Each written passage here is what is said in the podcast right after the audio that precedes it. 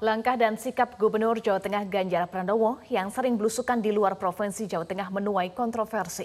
Terlebih dirinya masih menjabat resmi sebagai kepala daerah. Dalam beberapa bulan terakhir, Ganjar sibuk belusukan di luar daerah kerjanya, seolah ingin menyapa seluruh rakyat Indonesia seperti layaknya presiden. Padahal bisa jadi masih banyak problematika yang dialami oleh masyarakat Jawa Tengah. Kenapa? Justru Ganjar sibuk tebar pesona.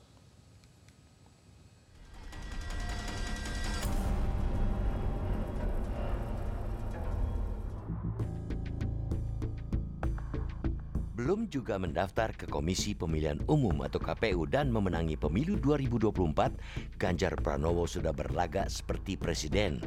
Ia sibuk belusukan, mencari borok dari daerah lain, lalu menelpon pejabat di wilayah tersebut dan memamerkannya ke media sosial. Ganjar bakal calon presiden dari PDI Perjuangan seolah-olah sudah menjadi orang nomor satu di republik ini meminta suatu persoalan di suatu daerah untuk dituntaskan. Padahal ia bukanlah kepala negara, melainkan hanya seorang kepala daerah, gubernur dari Provinsi Jawa Tengah tidak elok rasanya sesama kepala daerah sibuk mengurusi persoalan dapur orang lain, seolah provinsi yang dipimpinnya sudah bebas dari masalah. Kita harus katakan, aksi Ganjar main presiden-presidenan di sela-sela belusukan ke Pasar Anyar Bahari, Warakas Tanjung Priok, Jakarta Utara pada Sabtu 24 Juni lalu sudah kebablasan. Publik dengan akal sehatnya tercengang melihat Ganjar menelpon penjabat Gubernur Heru Budi Hartono dan langsung mengontak Sekda Jakarta Joko Agustiono. Kepada Joko, ada dua hal yang diminta Ganjar agar menjadi atensi pemerintah Provinsi DKI. Pertama, soal retribusi pajak bulanan yang dirasa pedagang terlalu mahal. Kedua, soal counter KJP atau toko bahan pangan murah agar dibuka kembali. Mereka geram karena aksi Ganjar ibarat peribahasa gajah di pupuk mata tak tampak, semut di seberang lautan tampak. Bukankah ada cara-cara yang lebih elegan tanpa harus menelpon kepala daerah setempat di tengah kerumunan? Hah? Publik semakin geram karena mereka begitu mudah menemukan informasi seputar Jawa Tengah dengan beragam masalahnya. Sebut saja, sepekan berjualan, UMKM di Pasar Johar Semarang masih sepi. Ada pula pejabat di Brebes yang menyatakan dari 25 pasar, 15 di antaranya dalam kondisi rusak atau kurang layak. Ini belum berbicara tentang angka kemiskinan di Jawa Tengah. Badan Pusat Statistik atau BPS mencatat ada sekitar 3,83 juta penduduk di provinsi itu atau sekitar 10,93 persen dari total penduduknya masuk kategori miskin.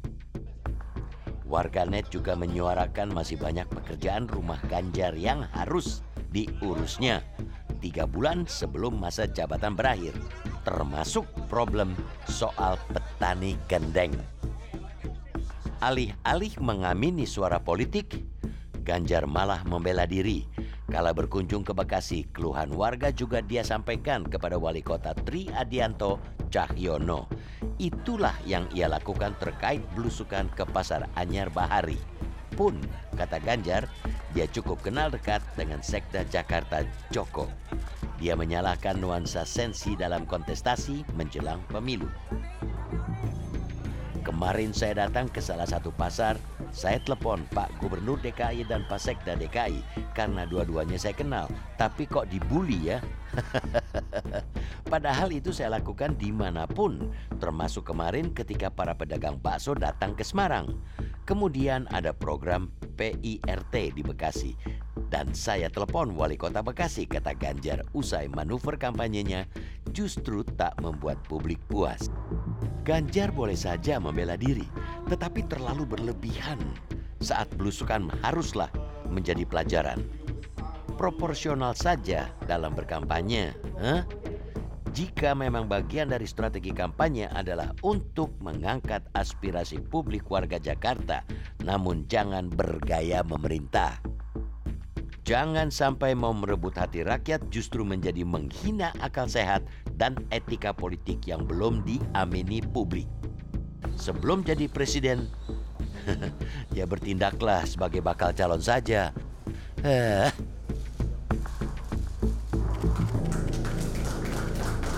Sejumlah pihak menyayangkan pantun seniman Butet Kartarajasa menjadi polemik di tengah perayaan puncak bulan Bung Karno di Stadion Utama Gelora Bung Karno, Senayan, Jakarta. Satir yang diduga menyasar ke capres lain PDI Perjuangan menimbulkan kegaduhan para elit politik.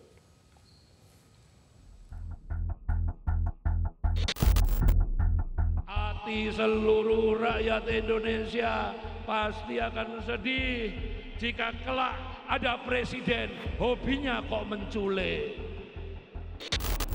Itulah monolog seniman Butet Kartarjasa dalam puncak bulan Bung Karno yang digelar di Stadion Utama Gelora Bung Karno, Jakarta, Sabtu 24 Juni 2023. Butet tak hanya menyanjung bakal capres PD Perjuangan Ganjar Pranowo. Seniman asal Yogyakarta itu juga diduga menyindir bakal capres dari koalisi lain. Kalau pemimpin modalnya cuma transaksional, dijamin bukan tauladan kelas negarawan. Politisi Partai Demokrat Jansen Sintidaun tak menyangka Butet yang selama ini ia anggap sebagai budayawan yang mengkritik dari hati nurani dan untuk kebaikan, namun kini muncul sebagai seorang seniman komersil penuh muatan politis yang karyanya bisa digadai sesuai dengan kepentingan. Sikap yang sama juga disampaikan juru bicara Prabowo Subianto Daniel Anzar Simanjuntak yang merespon monolog seniman Butet. Daniel menjelaskan, Prabowo dan Gerindra tak ingin memperparah kebencian dalam kompetisi politik. Mantan Ketua Umum Pemuda Muhammadiyah itu mengingatkan tetap berkompetisi sehat tanpa mengorbankan persatuan. Saling menjaga persatuan, kemudian tidak mengejek dan tidak uh, baperan. Yang jelas, nah kami tetap doakan Mas Butet selalu sehat, kemudian bisa bareng-bareng menjaga persatuan kita bisa berkompetisi tapi kompetisinya sehat dan kemudian uh, saling menjaga NKRI itu yang paling penting. Yang jelas uh, kami terus sama-sama dan Pak Prabowo juga mendoakan agar Mas Butet selalu sehat. Direktur Eksekutif Parameter Politik Indonesia Adi Praitno menilai kegaduhan muncul berawal dari monolog yang disampaikan Butet Kartarajasa Puncak perayaan bulan Bung Karno menjadi kurang baik imbas satir dari Butet. Meski kritik menjadi hal yang lumrah, namun disayangkan hal itu disampaikan di acara PDIP. Ya, saya kira semua orang harus bisa menahan diri supaya tidak terlampau agresif menyerang pihak-pihak yang lain. Apalagi yang diserang oleh Butet itu hanya Prabowo Subianto dan Anies Baswedan dan misalnya tidak mengkritik Ganjar Pranowo.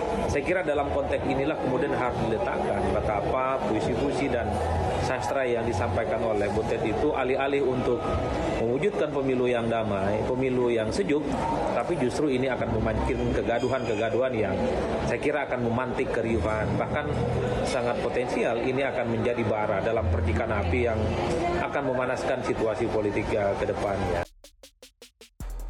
Sebelumnya viral di media sosial, seniman Butet Kertarejasa membacakan pantun di hadapan ribuan kader PD Perjuangan dalam perayaan bulan Bung Karno. Satir yang disampaikan menuai pro dan kontra, tak hanya dianggap sebagai upaya menaikkan elektabilitas Ganjar di Pilpres 2024, melainkan juga menjatuhkan lawan dengan narasi kebencian. Dari Jakarta, Tim Liputan Metro TV. Terima kasih. Selamat. Sementara itu, Menteri Pertahanan sekaligus Ketua Umum Partai Gerindra, Prabowo Subianto menyatakan belum mendengar pantun yang disampaikan seniman Butet Kertarajasa. Prabowo mengaku menyukai Butet sebagai seorang budayawan lucu. Puisi Pak Butet di acara PDIP kemarin Pak. Kemarin gimana Pak? Puisi saya kok belum, maaf saya nggak dengar. Nanti saya, saya sebenarnya juga suka sebenarnya. Beliau orang lucu ya orangnya. Pak, kemarin acara PDP kenapa nggak datang Pak? Acara PDP yang puncak bulan Bung Karno? Saya kan di luar negeri waktu itu. Kita beralih ke informasi lain. Pemirsa Baris Krim Polri menyatakan telah menaikkan status serta akan mencairkan solusi penggunaan Stadion Utama Gelora Bung Karno terkait Piala Dunia U17 2023 yang digelar berbarengan dengan konser Coldplay. Namun Presiden Joko Widodo menegaskan Indonesia memiliki banyak stadion yang berkompeten untuk menggelar pertandingan level dunia.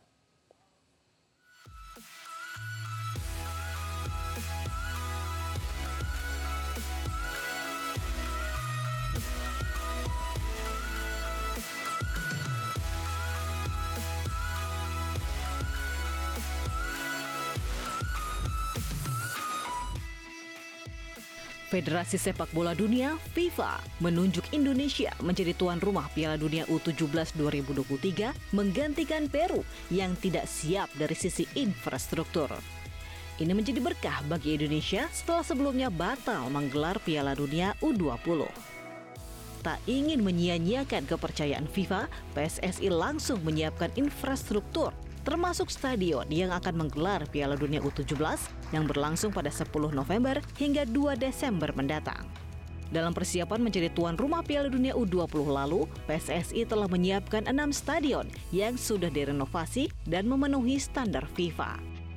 Namun pertanyaannya kini, apakah Stadion Utama Gelora Bung Karno tetap menjadi salah satu venue Piala Dunia U17 atau tidak? Hal ini dikarenakan jadwal Piala Dunia U17 bentrok dengan konser Coldplay yang akan manggung di Stadion Utama GBK pada 15 November.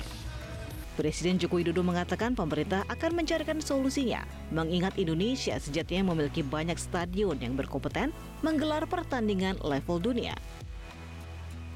Iya, nanti kan dicarikan solusi.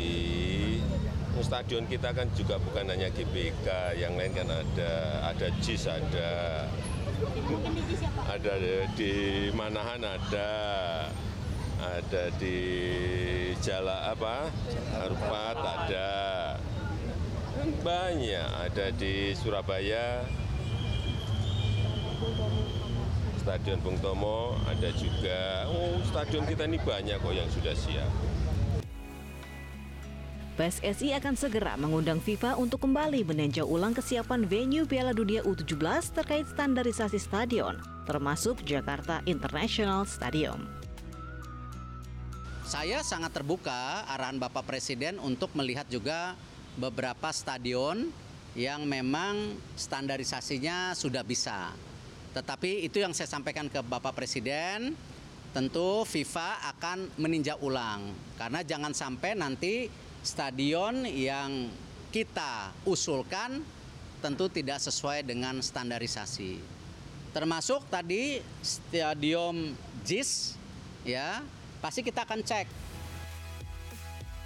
Erick Thohir turut mengungkapkan tiga alasan FIFA menunjuk Indonesia sebagai tuan rumah Piala Dunia U17 2023. Pertama, kesuksesan menggelar pertandingan FIFA Matchday Palestina dan Argentina yang menuai pujian dari FIFA. Kedua, terkait 22 stadion yang direnovasi demi memenuhi standar FIFA.